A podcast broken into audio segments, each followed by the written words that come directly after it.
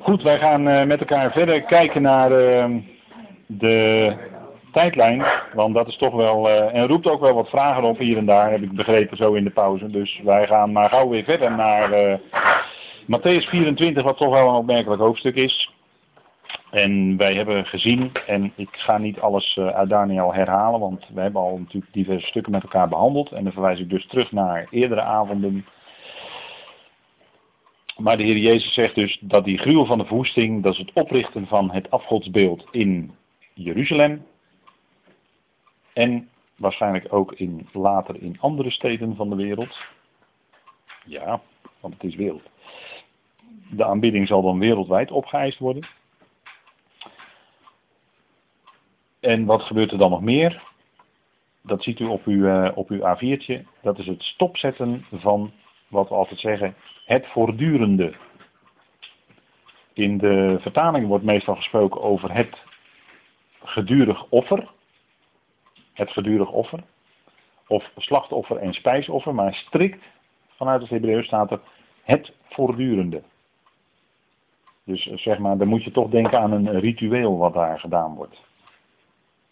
En, en misschien moeten we dan zelfs denken aan het bidden bij de klaagmuur dat dat voortdurende, dat dat wordt stopgezet. Daar zou je ook nog aan kunnen denken. Ik denk dat dat sowieso dan stopgezet wordt. Want die orthodoxe joden die, uh, die vertegenwoordigen natuurlijk wel de religie van uh, de God van Israël. En uh, dat moet natuurlijk stopgezet worden. Want daarvoor komt natuurlijk dat beest in de plaats. Die zal de, de, de aanbidding voor de Satan opeisen. Dat is in feite het lijntje natuurlijk. Hè? Hij zal kracht hebben, maar niet van zichzelf, staat er in Daniel, maar hij zal kracht ontvangen. En in openbaring wordt er dan gezegd dat het beest ontving zijn kracht, zijn troon, van wie? Hebben we met elkaar gezien, hè? Van de draak, staat er dan. Hebben we met elkaar gelezen? Dus het beest ontving zijn kracht en zijn troon van de draak. En de draak is natuurlijk de tegenstander, zoals die in de eindtijd wordt genoemd. Dus dat gebeurt ook. Hè? Dus het stopzetten van het voortdurende, want er komt een beeld van het beest en iedereen moet dan verplicht dat beest van het beeld, gaan aan, het beeld van het beest gaan aanbidden. Vandaar dat de Heer Jezus zegt in Matthäus 24, maak dat je wegkomt. Laatste vluchtmogelijkheid. Op het moment dat je ziet dat het beeld wordt opgericht, wegwezen.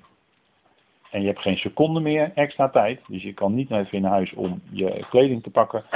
Hè, want het zal waarschijnlijk zijn in de winter en misschien ook zelfs nog wel op een Shabbat. Want als de Heer Jezus zegt, bid dat uw vlucht niet zal plaatsvinden in de winter en op een Shabbat, dan kun je er eigenlijk bijna wel van uitgaan dat het juist wel in de winter zal zijn en wel op een Shabbat. Dat is, dat is meestal zo met die, met die dingen. Eén belangrijk voorbeeld is bijvoorbeeld Jericho. Er werd uitdrukkelijk verboden om Jericho te herbouwen. En omdat dat uitdrukkelijke verbod er lag, kun je er eigenlijk wel zeker van zijn, dat werd dus in Jozua gezegd hè, tegen Jozua. En dan kun je er eigenlijk wel zeker van zijn dat het later dus wel gaat gebeuren. En het is ook gebeurd en Jericho bestaat nog steeds.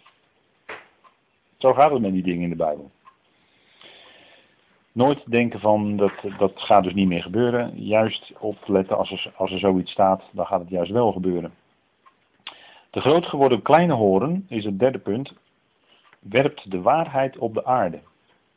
Dat gebeurt ook op die helft van de jaarweek. Hebben we met elkaar gelezen, Daniel 8. Hè? Hij zal de waarheid op de aarde werpen. Daniel 8, vers 12. Dat is die kleine horen die groot werd. Die horen die kwam voor in die bok die Griekenland voorstelt. En die bok die Griekenland voorstelt, daarvan werd dus die sterke werd afgebroken die sterke, dat was Alexander de Grote, die werd afgebroken en later komt daarvoor in de plaats een kleine hoorn. En het wordt in Daniel 11 genoemd een verachte, aan wie men de koninklijke waardigheid niet had toegedicht. En die wordt het. En die wordt het.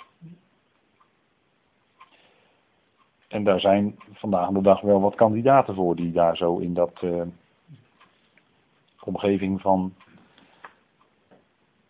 Ismaël, of in de omgeving van uh, Isaac, en dat is dus Ismaël, als u begrijpt wat ik bedoel, die daar uh, rondlopen. Daar zijn wel wat kandidaten voor die daar eventueel in aanmerking voor kunnen komen. wat zal die kleine horen dan doen? die is namelijk groot geworden. Hij krijgt veel macht. Hij ontvangt zijn macht en kracht van de draak. Zo staat in de openbaring. Dus van de duivel zelf. En wat uh, doet God dan? God zendt een krachtige dwaling, zegt Paulus. Opdat zij de leugen geloven. 2 Thessalonicense 2. Dat is dezelfde gebeurtenis. Want daar spreekt Paulus namelijk over dezelfde dingen. En hij noemt bij name de wetteloze. Dat die zich zal laten aanbidden. En vergis u zich niet, de uitdrukking antichrist, die vanavond al een paar keer gevallen is, wordt alleen door Johannes genoemd in zijn brieven. Verder nergens. Wordt natuurlijk vaak gebruikt in als mensen nadenken over het profetisch woord en erover schrijven, wordt er heel veel opgehangen aan de antichrist. Uh, maar de antichrist is niet de politieke figuur, maar het is de religieuze figuur. De naam zegt het al, hè. Hij stelt zich namelijk in plaats van Christus. Dus hij is dan de religieuze figuur, de antichrist. En in openbaring is er natuurlijk sprake van twee beesten. Namelijk een beest uit de zee en een beest uit de aarde. En het ene beest is de, de wetteloze. En het andere beest is de antichrist. En dat is waarschijnlijk dezelfde als de valse profeet. Waarom, waarom niet? De antichrist zou heel goed dezelfde kunnen zijn als de valse profeet. Dat is heel goed mogelijk. Moet u maar eens de Johannesbrief op nalezen. dan neemt u een concordantie en dan zoekt u het woord antichrist op. En dan gaat u aan de hand van een concordantie naar waar het voorkomt. Dan gaat u lezen in de Johannesbrieven. En dan wat er over die antichrist staat. dat het te maken heeft met een geest. En ook met een geest die uh, profeteert, die spreekt. Met andere woorden, je gaat dan toch heel sterk denken aan een valse profeet. En die wordt in openbaring natuurlijk ook letterlijk genoemd. Een mond die gaat spreken. En die spreekt lastelijke dingen tegen God. En het beest uit openbaring 17, dat scharlakenrode beest, dat heeft ook Gods lastelijke namen. Hè? Lastelijk, vol met lastelijke namen enzovoort. Dus dan ziet u hoe die dingen dan in elkaar grijpen. Nou, God zendt dan een krachtige dwaling opdat zij de leugen geloven. En de komst van de wetteloze is ook, zegt Paulus, naar de werking van de tegenstander met allerlei krachtige tekenen en wonderen, om zelfs hè, bijna de uitverkoren te misleiden. En dan zijn het namelijk ook twee die getuigen, de twee getuigen uit openbaring 11. De twee getuigen. En die getuigen in Jeruzalem. Wanneer? Vaak wordt verdacht de tweede helft van de zevener. Uh, maar dat is niet helemaal duidelijk. Het zou ook de eerste helft van de zevener kunnen zijn. En uh, die twee getuigen, die doen de tekenen en wonderen van Mozes en Elia. Er wordt altijd gezegd dat het Mozes en Elia zijn, maar dat hoeft helemaal niet. Als u mij vraagt, kan het eigenlijk ook niet, want die zijn dood. Ja, ik zeg maar even gewoon rechtuit, maar die zijn gestorven en begraven. Maar zij doen de tekenen van Mozes en Elia. Dat wel. Maar daarom hoeft het nog niet per se Mozes en Elia te zijn. Dat hoeft niet per se. Het zijn wel twee getuigen die dan profiteren en die doen dat 1260 dagen lang. Staat er dan hè, in de openbaring 11. waar doen ze dat? Dat doen zij in Jeruzalem en die wordt daar genoemd de stad die geestelijk genoemd wordt Sodom en Egypte. En denk erom dat die, dat die aanduidingen niet voor niks zijn hoor. Het is wel ongelooflijk dat de Heer ze zo moet noemen. Dat de Heer Jeruzalem dan zo moet noemen. De stad die geestelijk genoemd wordt Sodom en Egypte. Al waar zij de Heer ook gekruisigd hebben. En dan weet je zeker dat het Jeruzalem is. Dat staat erbij allemaal in openbaring 11. Nou, dat, dit, dat getuigen, als u mij vraagt, zou best eens in die eerste helft van de jaarweek kunnen zijn. Waarom? Omdat het, uh, ja, het, het, het, grote getuigen, wat toch gebeurt door middel, of wat gebeurd is door middel van de christelijke volkeren, zeg maar, door het woord van God, en wat nu nog gebeurt door de gemeente, het lichaam van Christus, is weg. Het lichaam van Christus is weggerukt van de aarde. En wat er dan overblijft is een kerk die, uh, misschien wel in naam beleid van Christus te zijn, of Christus te vertegenwoordigen, maar in, in wezen een, een lege huls is. En dat zien we eigenlijk al in onze tijd, hè? dat steeds meer kerken uh, afwijken van het woord van God en steeds meer uh, zeg maar zich uh, ja, het woord van God ter discussie stellen. En, het wordt van binnenuit in hoog tempo uitgehold. Als, dat, dat is het proces wat we zien. Dus het getuigenis, nou, daar zal dan een getuigenis zijn, 1260 dagen lang. En zij zullen niet aangetast kunnen worden. Dan zullen zij gedood worden en dan zullen zij op straat blijven liggen drie dagen lang. De mensen zijn zo blij dat ze elkaar cadeautjes sturen. Staat er allemaal bij hoor, in de openbaring 11. Moet u maar eens nalezen. En, en, en dan staan ze ineens op. Dat is natuurlijk ongelooflijk wat er dan gebeurt. Want ze denken dan, nou eindelijk dat getuigenis weg, eindelijk die monden gestopt. Eindelijk is het voorbij. En dan worden ze opgewekt uit de dood. En de hele wereld zal het zien. Ja, en uh, lang werd natuurlijk gedacht, ja dat kan helemaal niet. Ja, tegenwoordig met onze media, met internet, met televisie enzovoort is het natuurlijk allemaal gewoon goed mogelijk. Dat is helemaal geen probleem. Kijk, en vlak voor, dat heb ik er dan niet opgezet, maar dat schiet me nu ineens te binnen. Vlak voor die helft van de jaarweek wordt de Satan uit de hemel geworpen. En waar komt hij dan terecht? En als u mij vraagt, kan dat eigenlijk niet anders, dan komt hij op aarde terecht.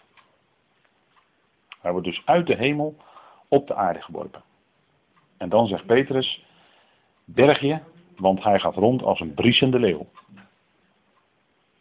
Want het gericht, zegt Petrus ook, begint bij het huis van God. En dat is dan Israël. Hè? Het gericht begint bij het huis van God, zegt Petrus.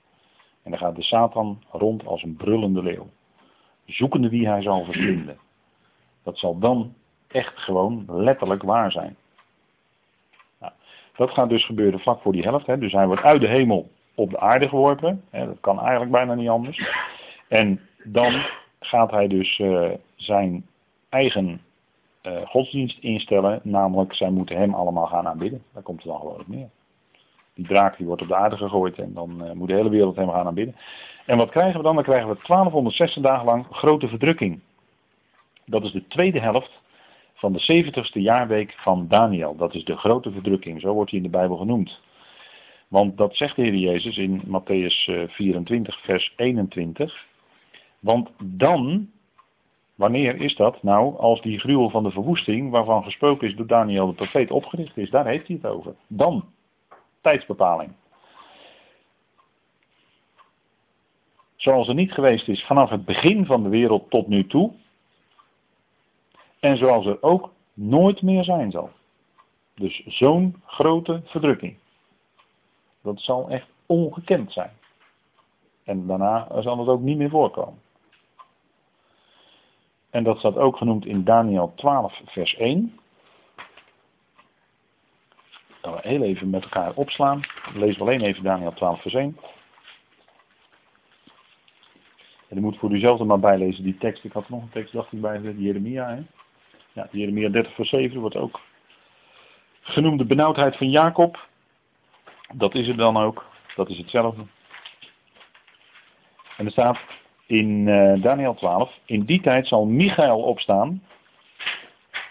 En wat betekent de naam Michael?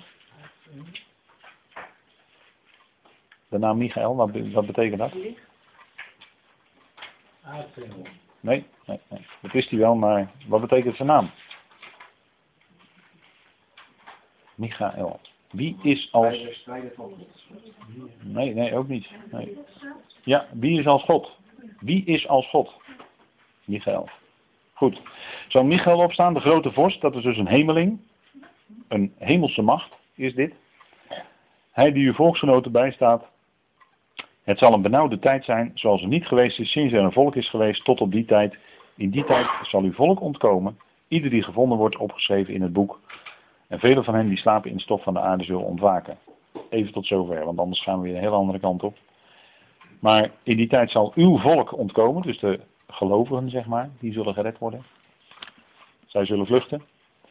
Zij zullen bewaard worden, voor een deel, in Petra, weet u wel, de rotstad, de rotsstad Petra, in het zuiden van Jordanië, die ook genoemd wordt Sela. De naam Theman heeft er ook mee te maken. Bosra, schaapskooi, dat is allemaal de woestijn Paran, dat is ook dat gebied Edom. wordt het allemaal genoemd. Nou, daar zullen die, nou we stellig geloven, die gelovigen uit Israël bewaard worden 1260 dagen lang. En dat is die vrouw die dan vlucht in de woestijn, daar hebben we ook al over gelezen. Al waar zijn plaats heeft haar God bereid en zij zullen daar bewaard worden. Die periode.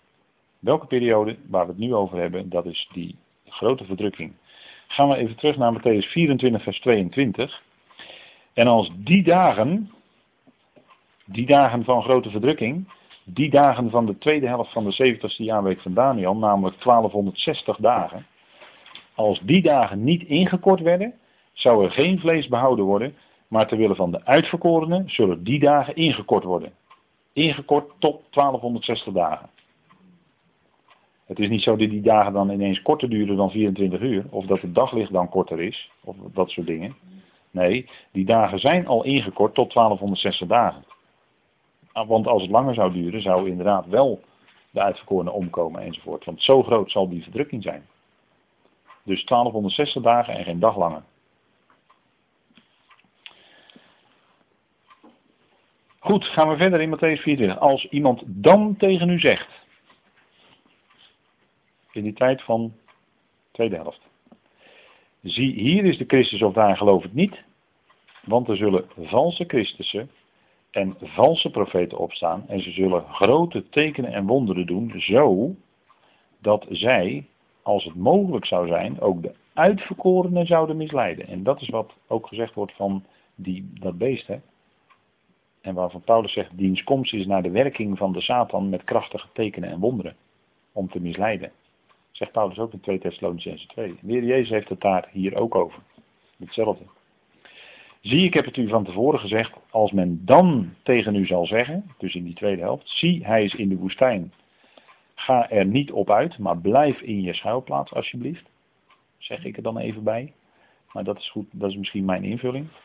Zie, hij is in de binnenkamer, geloof het niet, want zoals de bliksem van het oosten komt en zichtbaar is tot het westen, zo zal ook de komst van de zoon des mensen zijn. Zo snel. En hier is het woord komst opnieuw aanwezigheid. Parousia. Dus gelijk de bliksem vanuit het oosten komt er zichtbaar tot in het westen. Zo zal ook de aanwezigheid van de zoon des mensen zijn. Hij zal er ineens zijn. Hij zal er ineens zijn. Net zo plotseling als ineens een dief in de nacht ook komt. Nee, maar dat is dan bij de dag des heren. Maar dat is dus de aanwezigheid. Want waar het dode lichaam is, daar zullen de gieren zich verzamelen. Dat is weer zo'n cryptische, lijkende uitspraak van de Heer. Hè? Maar als je de andere delen van de schrift kent, is het niet zo moeilijk meer. Want waar is het dode lichaam? Waar is dat? Wat is dat dode lichaam? Kan ik beter vragen. Israël, hè? Israël. En aan welke profetie denkt u dan? Ezekiel. Ezekiel. Dal van de dorre doodsbeenderen. Kijk, er, is, er wordt dan daar wel een lichaam gevormd, maar er zit geen leven in. Ezekiel zegt hoor, er zit geen leven in, er zit geen geest in. Er wordt wel, er wordt wel iets gevormd, een lichaam, maar het is een dood lichaam. Dal van dorre doodsbeenderen, Ezekiel 37. Dat is waar het om gaat, hè. Het dode lichaam, daar zullen de gieren zich verzamelen om, uh, nou ja, om het bekende werk te doen. Hè. Dat zijn aaseters, gieren. Die, gaan, uh, die zie je cirkelen daar. Als op de grond aas is, een dood lichaam is. Hè. Is in de natuur nog steeds zo'n verschijnsel. Dat zijn dan die gieren, zijn dan die volkeren. Die zullen als gieren rondom Israël zijn. Om dat dode lichaam helemaal te vernietigen en de zee in te drijven. En, uh, en met de grond gelijk te maken. En, wat, wat, en, en, enzovoort enzovoort. En dan zullen die legers zich ook verzamelen. Hè? Zegt de Heer Jezus ook, als jullie zien dat Jeruzalem uh, omsingeld is door legerkampen, Lucas 17, dat is dit hè, wat hier staat. En dan staat er, en meteen na de verdrukking van die dagen. Dus wat we net gelezen hebben met elkaar, die spreken dus ook over die periode van verdrukking, over die 1260 dagen. We lezen nu gewoon chronologisch, hè? we lezen nu in tijdsvolgorde. En meteen na de verdrukking van die dagen, dus die 1260 dagen waar we het nu over hebben, zal de zon verduisterd worden. En de maan zal zijn schijnsel niet geven. En de sterren zullen van de hemel vallen. En de krachten van de hemel zullen heftig bewogen worden. En er zal dan ook een hevige aardbeving zijn. En vandaar dat er staat dat de krachten van de hemelen ook bewogen zullen worden. Want dat heeft alles met elkaar te maken. Als er een verschrikkelijk grote aardbeving komt, daar, dan zal ook de hemelen, dan zullen ook de hemelen dat merken. Dan zullen ook de hemelen zullen heftig bewogen worden. Er zal daar van alles zal er daar uh, schokken. Het zal schokkend zijn wat daar gebeurt, absoluut. Dus denkt u erom dat die dingen met elkaar te maken hebben. En dan, dan dus na, direct na de verdrukking van die dagen, dan zal aan de hemel het teken van de zoon des mensen verschijnen. Dat is echt verschijnen in de zin van schijnen. Daar wordt het Griekse werkwoord voor schijnen ook voor gebruikt. Dus schijnen. En dan zullen al de stammen, ja, van het land, hè, we hebben het al eerder over gehad, maar van het land. Want hij komt daar. Dat is, dat is de context hier. Hij komt daar in Israël als de zoon des mensen, hè, als de zoon van Adam. Dan zullen al de stammen van het land rouw bedrijven. En ze zullen de zoon des mensen zien als hij op de wolken van de hemel komt met grote kracht en heerlijkheid. Kijk, voor dat woord komt, daar wil ik u even op wijzen, wordt niet hier het woord parousia gebruikt, maar echt het Griekse woord voor komen, ergomai. Dus dit is een ander woord. Hier, is, hier wordt echt gesproken over het komen van de zoon des mensen. En zijn aanwezigheid is pas daarna. Zijn parousia is pas daarna. Eerst komt hij en is ook het verschijnen van het teken. Er verschijnt dus eerst een teken. Dan komt hij. En daarna is pas zijn parousia, dus zijn aanwezigheid. Eerst moet hij komen om aanwezig te kunnen zijn. Ja? Ik hoop dat dat voor u duidelijk is. En dan komt hij met grote kracht en heerlijkheid. Dit is dus niet de terugkeer als hij komt met de bazuin gods, want dat is heel anders. Hè? Hier komt hij met grote kracht en heerlijkheid. Als hij komt met de bazuin gods, dan is dat voor de wereld volledig verborgen. Zo schrijft Paulus er ook over. Komt hij in de lucht, wij worden weggerukt, heel snel, het gaat allemaal heel snel dan. Heel ongemerkt bijna. En is het weg. Maar hier komt hij en dan gaat er een heleboel gebeuren. De zon zal verduisterd worden, de maan zal zijn schijnsel niet geven, de sterren zullen van de hemel vallen, de krachten van de hemelen zullen bewogen worden, enorme aardbeving. En dan komt hij. Dat is dus heel wat anders. Ja, dat heeft ook te maken met splitsen van de olijfberg. Dat er dan dus een dal zal ontstaan in de olijfberg, dat is allemaal dit. Dal ontstaan waardoor de gelovigen dan uit Jeruzalem kunnen vluchten, want Jeruzalem wordt dan verwoest. Zachariah 14. En dan zullen ze zien wie ze doorstoken hebben. Dan zullen ze de stammen van het land, dat hebben we onlangs met elkaar gelezen, de laatste keer volgens mij, zullen rouw bedrijven, want ze zullen zien wie ze doorstoken hebben. Dat, dat zal dan ineens tot hun doordringen. Nou, dat, dat is wat hier staat. Hè.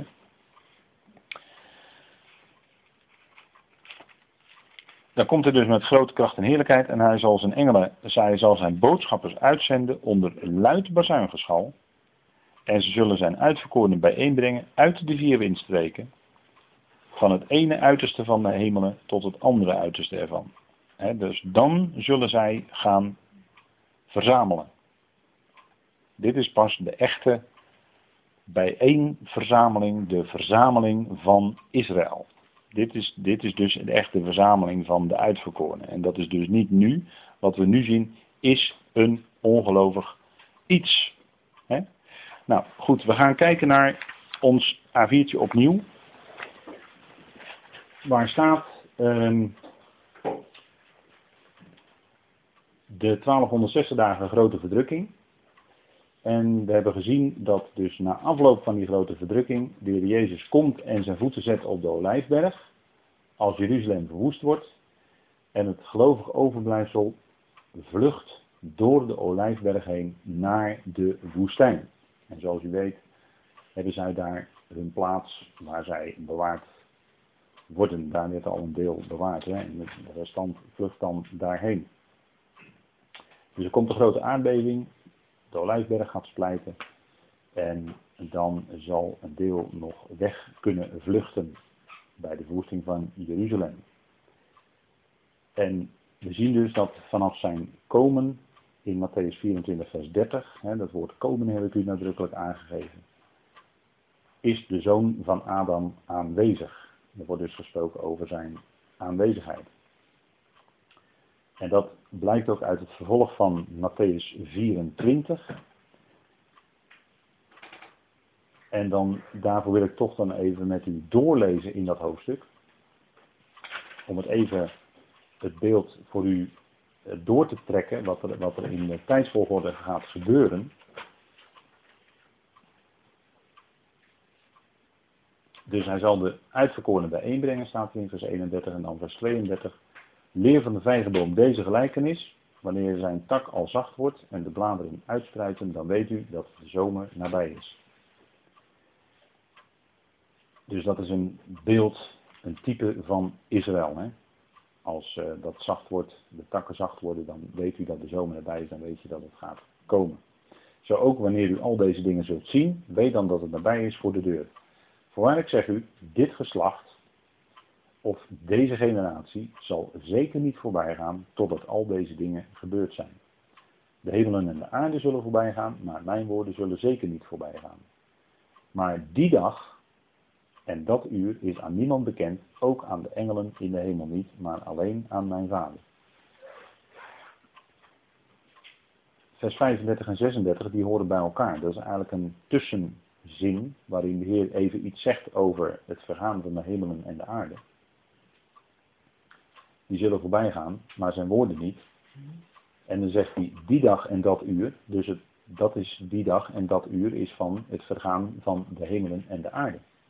En dat gebeurt aan het einde van de duizend jaar. Dat gebeurt pas na de duizend jaar, als hemelen en aarde vergaan. En daarvan zegt de Heer, dus aan het einde van deze huidige hemelen en aarde, als die vergaan, daarvan is die dag en dat uur niet bekend. Maar alleen bij de Vader. En dan komt hij in vers 37 weer terug naar waar hij eigenlijk over sprak.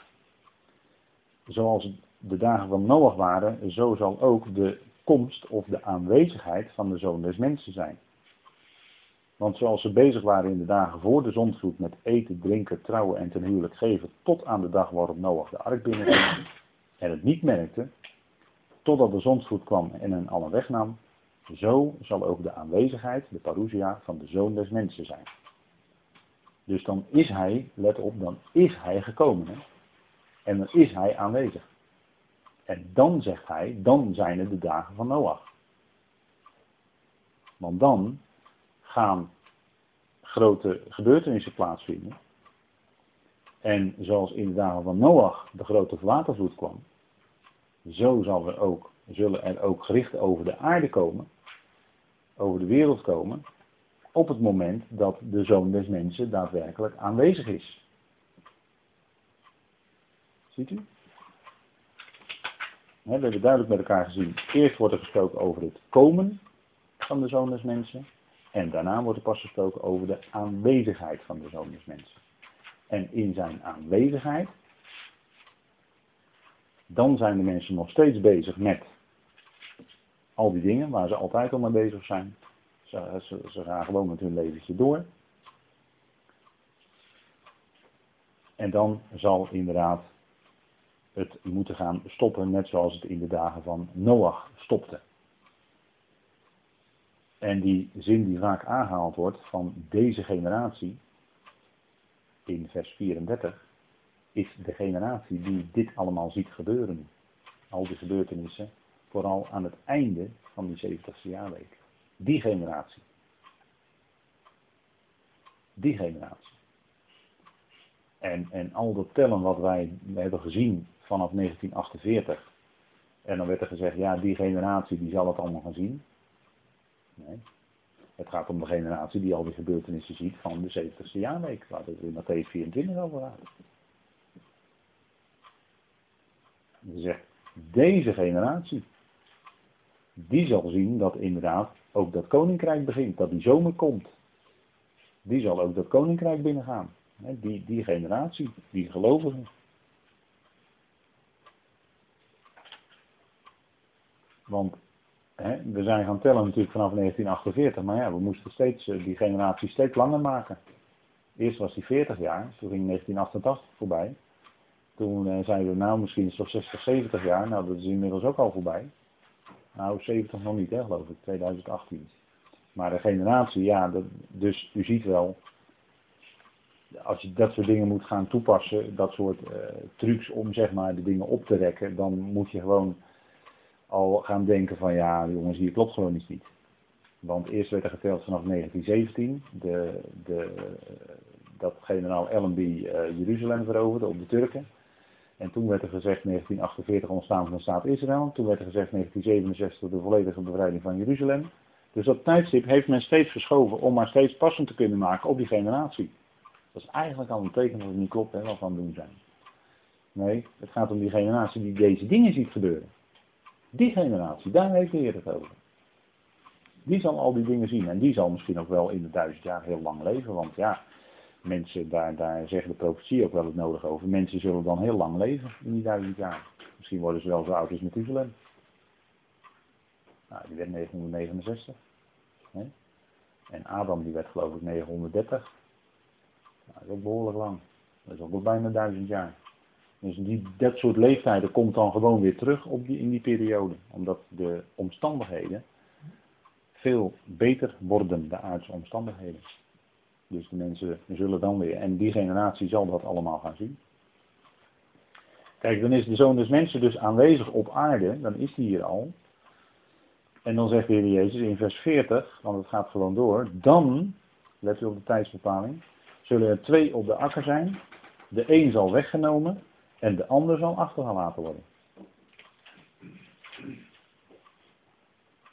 En dat achterlaten, dat is juist, als je achtergelaten wordt hier, of overgelaten wordt, dan ga je het koninkrijk binnen. Het is precies andersom als bij de bazuin Godse. Degenen die weggerukt worden bij de bazuin, die zijn gered. Maar hier spreken we over een hele andere tijd. Degenen die weggenomen worden of genomen worden, die zullen verwijderd worden. Want die mogen het koninkrijk niet binnengaan. Die worden verwijderd van de aarde. Die, gaan, die, die sterven. Er is geen andere mogelijkheid. En de ander zal achtergelaten worden, namelijk achtergelaten, ja, waar? Hier op aarde, om hier het koninkrijk binnen te gaan.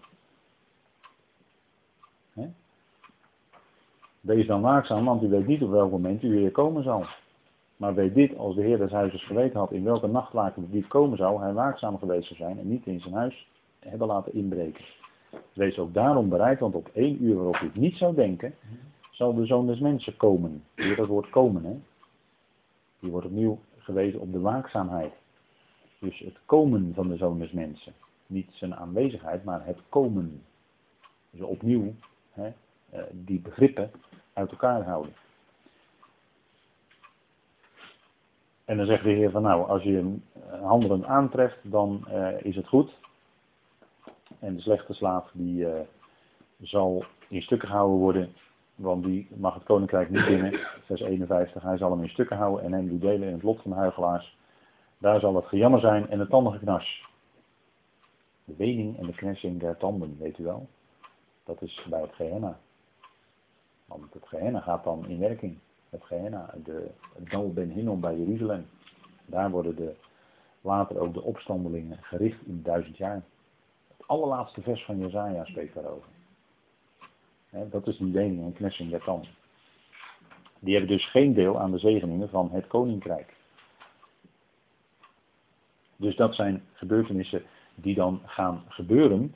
En wat ook, als u dan verder gaat, dan ziet u dus inderdaad die gelijkenis van de vijf wijzen en de vijf dwaze maagden met de olie. En wel of geen olie in de lampjes en de bruidegom komt eraan.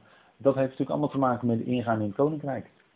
De bruidegom. Wie is de bruidegom? De Heer zelf natuurlijk. Wie is de bruid? Israël. Dat is nooit anders in de Bijbel. Israël is altijd de bruid. Nooit, nooit, nooit is de gemeente de bruid. Nee, nee, dat, dat, ik zeg dat heel stellig, maar dat is, dat is ook nooit zo. Anders, als u het wil, als u, als u zegt dat de gemeente de bruid is, wil ik graag nu een tekst van u hebben. Maar staat in de Bijbel dat de gemeente de bruid is? Nee, We hebben genoeg teksten waar het niet staat. Inderdaad. Nee, Israël is de bruid van, van, in heel de Bijbel. Geen twijfel over mogelijk. De gemeente is het lichaam van Christus. Absoluut. Daar kan je gewoon niet omheen. Dat is gewoon een feit. Hoeveel teksten wil u hebben? Gemeente het lichaam van Christus. Hoeveel? nou, nee, ik bedoel, ik zeg het een beetje uitdagend, maar om u even te prikkelen van, dit zijn gewoon hele duidelijke dingen. Dus die bruidegom die hier aankomt, heeft te maken met de Heer die komt voor zijn volk Israël. En het gaat hier om de bruidegom, hè? let op, hè? de bruid wordt hier helemaal niet genoemd, hè? het hele stuk niet. Daar gaat het ook eigenlijk niet om. Het gaat om of men bereid is. Olie in de lampen. Waakzaam. Als ze niet waakzaam zijn, staan ze er buiten. Dat is allemaal voorwaarden. Het heeft te maken met ingaan in het koninkrijk. Want vers 1 zegt ook, het koninkrijk der hemelen zal gelijk zijn aan. Dus het heeft te maken met het koninkrijk der hemelen. Gelijkenis.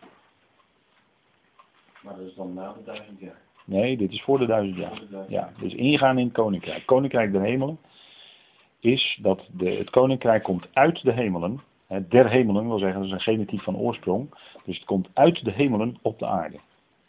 Dus het is altijd verwarrend die uitdrukking, maar het koninkrijk van de hemelen wil zeggen dat de hemelen hebben ze, heeft het zijn oorsprong, namelijk de Heer, de koning. Die komt uit de hemelen op de aarde, hebben we net in Matthäus 24 gelezen. Hij is de bruidegom dan ook. En dan komt hij tot zijn volk en zijn volk zal dan zijn in die duizend jaar de bruid. Is dat dan het Jeruzalem, het Nieuwe Jeruzalem? Nee, het Nieuwe Jeruzalem komt pas na, die komt pas op de nieuwe hemel en de nieuwe aarde. Dus je hebt eerst het duizendjarig rijk, dat vindt nog plaats op deze oude aarde waar wij nu nog op leven. Dan daarna wordt die door verbranding wordt die helemaal uh, veranderd of vernieuwd, hoe je het zeggen wil. En dan komt er dus een nieuwe hemelen en een nieuwe aarde. En daarop komt het nieuwe Jeruzalem wat Johannes zag in openbaring 21. Dus het nieuwe Jeruzalem is pas wat na die duizend jaren op de nieuwe aarde er zal zijn. Dus je krijgt eerst nog op deze oude aarde nog een duizendjarig rijk. Een duizendjarig koninkrijk. Nou, die koning, die, die koning, daar hebben we over gelezen, dat is de Heer Jezus. Dit is ook de bruidegom. En uh, dan is die tijd van voorbereiding is natuurlijk die aankomende tijd nadat het koninkrijk gaat beginnen. En, en de bruiloft gaat pas beginnen na het einde van deze aion. Want daar heeft de Heer Jezus het nog steeds over. Hè? Hij heeft het nog steeds over het einde van de aion. En hier dus de, de, aanloop naar die nieuwe tijd, die nieuwe periode. Hè? Dus die komende aion, die komende eeuw.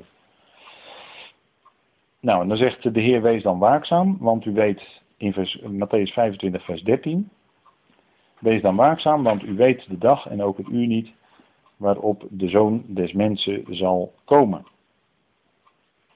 Zij zijn degene die, hè, daar horen degene bij die dat niet weten. En die moeten dan ook waakzaam zijn in die periode. Nou, en dan gaat het uh, verder over de talenten en, en, uh, enzovoort. Dat heeft ook allemaal te maken met uh, de aanloop naar het koninkrijk. En dan om het koninkrijk echt te gaan oprichten, indelen, dan krijg je dus in vers 31 van Matthäus 25. Dan gaat de zoon des mensen in zijn heerlijkheid zitten. En de heilige boodschappers met hem. En dan zit hij op de troon van zijn heerlijkheid. En dan zal hij de volkeren richten. Dus we krijgen eerst het gericht over Israël, de grote verdrukking. En daarna krijgen we, daar gaat er dus nog een zekere tijd overheen. Dat hebben we met elkaar in die hoofdstukken heel, heel vlug in vogelvlug gezien. En daarna krijg je dus het gericht over de volkeren, wat dus bepalend zal zijn voor de plaats die die volkeren hebben in het komende koninkrijk. Daar heeft het helemaal mee te maken. Hier staat boven door de vertalers is hierboven gezet het laatste oordeel. Nou, dat is niet terecht, want hier gaat het gewoon om dat aardse koninkrijk, waarvan we weten dat het duizend jaar gaat duren. Het koninkrijk der hemelen. En dat zal uh, ingericht worden door de koning zelf. Hè, want vers 34 zegt het ook, dan zal de koning zeggen tegen hen die aan zijn rechterhand zijn. Dus dat zijn zeg maar de volkeren die ingaan in het koninkrijk. die delen zullen in de zegeningen van Israël, van de koning. Die zullen dus gezegend zijn en een uh, goede plaats hebben in het koninkrijk. En die andere volkeren zullen dat niet hebben, die zullen ingesnoeid zijn. Dat woord wordt ook gebruikt hè? Uh, in vers, uh, vers 46 van Matthäus 25 staat namelijk, deze zullen gaan in de eeuwige, maar er staat eigenlijk dus de eonische straf. En voor het woord straf staat hier het woord kolasis. Dat betekent insnoeiing of afsnijding. Dus het heeft, dit woord heeft geen. Uh, dit woord kun je niet vertalen met straf, want dat geeft gelijk een, een, een soort juridische uh, invulling eraan. Maar het gaat om eonische insnoeiing. En dat heeft dus te maken insnoeiing in wanneer, nou in die in komende aion, in de komende eeuw, in de komende, toekomende eeuw. Daarin worden die volkeren zijn dan gesnoeid, afgesneden van de zegeningen van Israël. En dan zegt hij, maar de rechtvaardigen, dus degene die gerechtigheid hebben gedaan aan het Joodse volk, aan de broeders van de Heer namelijk, in het Ionische leven. Dat is dus leven in het koninkrijk. Leven in de komende eeuw. Zegeningen delen van de Messias, zegeningen delen met Israël. Niet afgesneden zijn van die zegeningen, maar echt daarin delen. En die zullen dan ook leven in de toekomende eeuw, het Ionische leven hier op aarde genieten. Twee groepen volkeren dus, ja. Nee, een klein voorbeeld. Voordat het Rijk wordt het schap en de bokken gescheiden. Ja. Dat dus in dat maar dan toch nog in dat Rijk zijn er een aantal volkeren die zich verzetten, die niet de feesten Ja. willen vieren en Ja. dergelijke. Ja, klopt. Waarom klopt. zijn die niet gelijk gescheiden met die schapen en bokken? Zo? Je zou kunnen denken dat dat inderdaad wel bij die bokken horen. Die, die, die zijn dan alsnog bokkig en die willen dus niet opgaan naar Jeruzalem om de feesten te vieren. Ook, eh, En die hebben daar ook de gevolgen van. Droogte en dat soort dingen. Dus die, die moeten komen om het Loofhuttenfeest te vieren. Ik vroeg me Ja. alleen nog waarom zijn die niet gelijk met die bokken? eh, Omdat ze al gescheiden zijn, lijkt het toch nog een groep te zijn die dwars ligt. Ja, maar ik denk dat de groep die dwars ligt, dat die ook bij die bokken horen. Dat die al afgesneden zijn van de zegeningen van de, van de Messias. En dat, eh, en dat dus, dus de schapen, de, de, de schapenvolkeren zeg maar, die zullen dan eh, delen in die zegeningen. Ja. En dat is dan inderdaad in het begin waarschijnlijk is er nog een opstand en die wordt dan neergeslagen, Ezekiel hè. En dan aan het einde natuurlijk van die duizend jaar krijg je nog een keer een grote opstand. In, eh, in openbaring 20 staat dat. Dan krijg je nog een keer een, eh, een opstand, omdat de Satan voor korte tijd wordt losgelaten. En die zal dan de, de volkeren eh, meenemen over de breedte van de aarde. En die zullen optrekken naar de heilige stad. Dus die zullen nog een keer tegen, tegen Israël tekeer gaan. Ja. Je, je zegt als de Heer Jezus terugkomt, ja, olijfberg verspleten, ja. dan zullen er toch nog- Joodse mensen zijn die moeten vluchten. Waar staat dat dan? Die zullen ontkomen, ja. Er zal een dal van, zullen dan toch nog ont- er zal een dal van ontkoming zijn, ja. ja. Er zal een dal van ontkoming zijn. Zacharia. Even kijken hoor. We zullen Zacharia. Zacharia.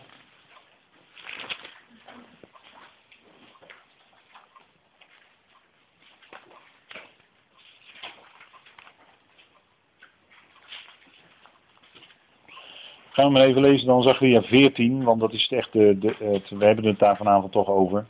En eh, ja, ik heb Daniel 10 aangekondigd, maar daar komen we dus niet aan toe. Maar dat komt dan eventueel een volgende keer. Maar dit gaat dus over de komst eh, van de Heer Jezus Christus. Eh Zacharia 14. Er staat, zie, er komt een dag voor de Heer, waarop de buit op u behaald in uw midden zal worden verdeeld.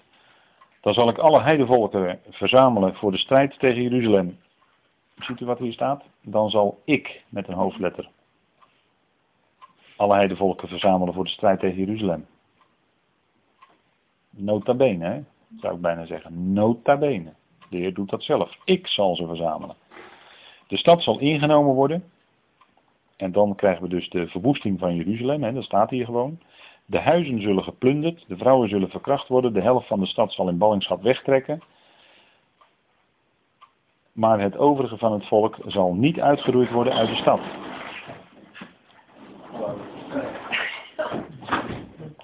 En dan ziet u dus eh, staan dat het overige van het volk niet zal uitgeroeid worden uit de stad. En dan zal de Heere uittrekken en tegen de heidevolken strijden, zoals de dag die hij streed op de dag van de strijd. Op die dag zullen zijn voeten staan op de olijfberg die voor Jeruzalem ligt ten oosten ervan. Dan zal de olijfberg in tweeën gespleten worden. Dat is die grote aardbeving, hè. Naar het oosten en naar het westen. En er zal een zeer groot dal ontstaan als de helft van de berg naar het noorden zal wijken en de andere helft ervan naar het zuiden. Dus dan vluchten zij naar het oosten. Dan zult u vluchten door het dal van mijn bergen, ziet u. Dan zult u vluchten. Nou, wie doen dit? Nou, ik denk alleen de gelovigen die dit lezen ook, hè, die dit kennen, die dit weten. Dan zult u vluchten door het dal van mijn bergen, want het dal zal tussen de bergen rijken tot Azal. Ja, u zult vluchten zoals u gevlucht bent voor de aardbeving in de dagen van Uzia, de koning van Juda. Dan zal de Heere mijn God komen, al de heiligen met u. En ze zullen dus vluchten en dan staat er tot Azal. En dan vragen we ons af, waar ligt Azal? En dat weten we niet. Waarom niet? Omdat Azal betekent eigenlijk gereserveerd. Hier wordt een heenwijzing gegeven naar een gereserveerde plaats. En die gereserveerde plaats is, u kunt hem zelf nu invullen, Petra. Ja, gereserveerd. Ze zullen vluchten naar het oosten en dan komen ze op die weg die er al ligt en dan kunnen ze zo naar Petra als het ware doorlopen. Dat, dat ligt daar nu al. Hè? Door het westen van Jordanië. Dan de eerste vlucht naar Petra, wat een in Ja. Matthäus 24. Ze doen het in de, ja, dat geloven we. Ja, dat doen ze dus in de, als het goed is, al in de eerste helft van de jaarweek. Vluchten ze al daarheen. En op de helft, als de Heer zegt van dat beest, hè, het beeld van het beest. Dan zal nog een restgroepje daarheen kunnen vluchten. En dan, daarna is het te laat. En dan zullen er toch nog in die tijd kennelijk tot geloof komen en zich ergens misschien schuilhouden in Jeruzalem op een of andere manier.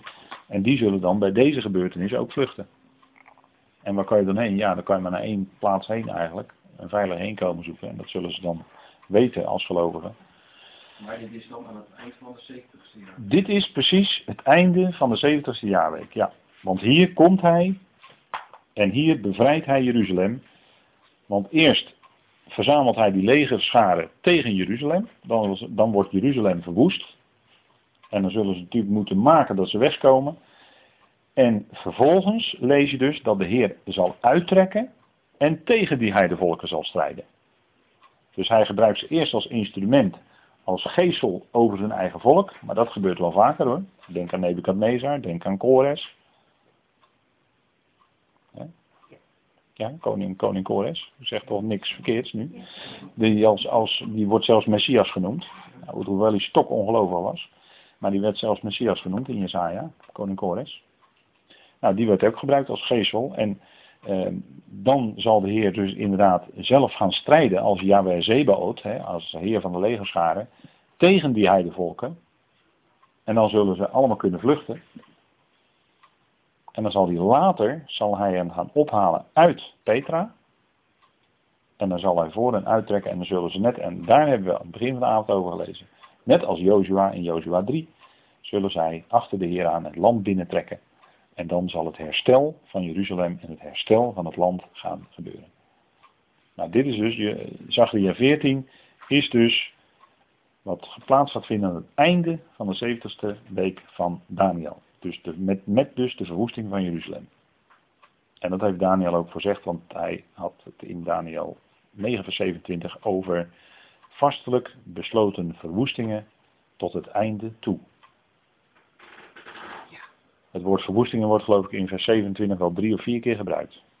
Dus dat is overduidelijk in die profetie aanwezig. En we zien het hier eigenlijk voor onze ogen.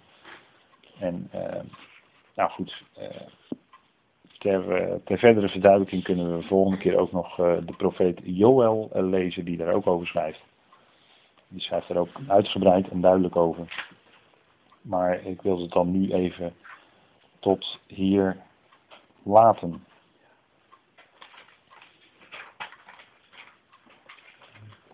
Goed, we laten het hierbij. En wij zullen gezamenlijk de Heer danken. Ja. Trouw vader, wij zeggen u dank voor deze avond die u hebt willen geven. We, danken u voor de profetische woorden die we met elkaar mochten overdenken. Vader, en misschien wel in vogelvlucht nog, vader, maar het is goed om een lijn te kunnen ontdekken, een lijn te zien in dat profetische woord dat immers zeer vast is, zo zegt eh, Petrus dat, vader. Dank u wel voor alle aanwijzingen die we in uw woord hebben. En dank u wel dat we ze naast elkaar mogen leggen. Vader, dat we schrift met schrift kunnen vergelijken. En dat we hele bijzondere profetische gebeurtenissen mogen zien voor onze ogen. Zoals u dat gaat doen in de toekomst. Vader, en wij als leden van het lichaam van Christus zullen dat van bovenaf wellicht ook kunnen zien. Vader, en dank u wel dat we dan verheugd zullen zijn. Omdat uw zoon dan verheugd is dat hij zijn volk zal verlossen. En dat hij zijn koningschap gaat vestigen op deze aarde, Vader. En hij zal blijken te zijn inderdaad de koning der koningen en de heer der heren. En dan zal alle zegen uitgaan vanuit Israël over de hele wereld. Vader, het zal een geweldige tijd zijn. De shalom zal bewaakt worden door de Heer zelf en door David die op de troon zal zitten. Vader, wat een geweldige tijd zal het zijn als Israël inderdaad dat zegenkanaal is voor de volken. Vader, en er een weldadige, heerlijke tijd zal aanbreken over deze aarde. Als de volken er dan ook snakken naar rust, snakken naar vrede. En dat doen ze nu al, vader. En dan zal het ook werkelijk echt vrede zijn als de vredevorst gekomen is. Vader, en dank u wel dat we mogen danken voor uw woorden die geest en leven zijn. Voor het woord wat zich zo ontvouwt. Vader, we mogen dankbaar zijn voor de vele profetieën die u heeft laten optekenen. En dat u ons daar wat zicht op geeft, Vader. En we beseffen dat we echt niet alles ervan weten. Maar we mogen de dingen lezen en herlezen naast elkaar leggen. Vader, en ja, uw inzicht en wijsheid erover vragen. Dank u wel, Vader, dat we zo ook vanavond daar weer een moment stil bij mochten staan. Dank u wel dat we weer met elkaar verder mogen op weg naar die grote toekomst. Vader, en uitziend naar dat heerlijke moment als de bazuin gaat. En wij veranderd zullen worden. En ons lichaam aangepast zal worden om daarboven bij de Heer te kunnen zijn. Vader, een lichaam wat zo straalt van heerlijkheid straks. Dat kunnen we ons helemaal niet voorstellen, nu. Maar zo zal het wel zijn. We hebben een gebouw uit u in de hemelen, Vader, en daar dank u voor. We danken u voor al die heerlijkheid die wacht. En dank u wel dat u ons hart daardoor nu al opbeurt, bemoedigt. Vader, als we nadenken over het komen en de aanwezigheid van uw zoon. Vader, dank u wel. Dank u wel voor al die zegen. Dank u wel voor de grote plannen die u heeft. En Vader, u zult ze ook waarmaken. Al uw beloften zal u waarmaken. Vader, dat is een geweldige zaak. We danken u daarvoor in de machtige naam, de naam van uw geliefde Zoon, onze Heer Jezus Christus. Amen.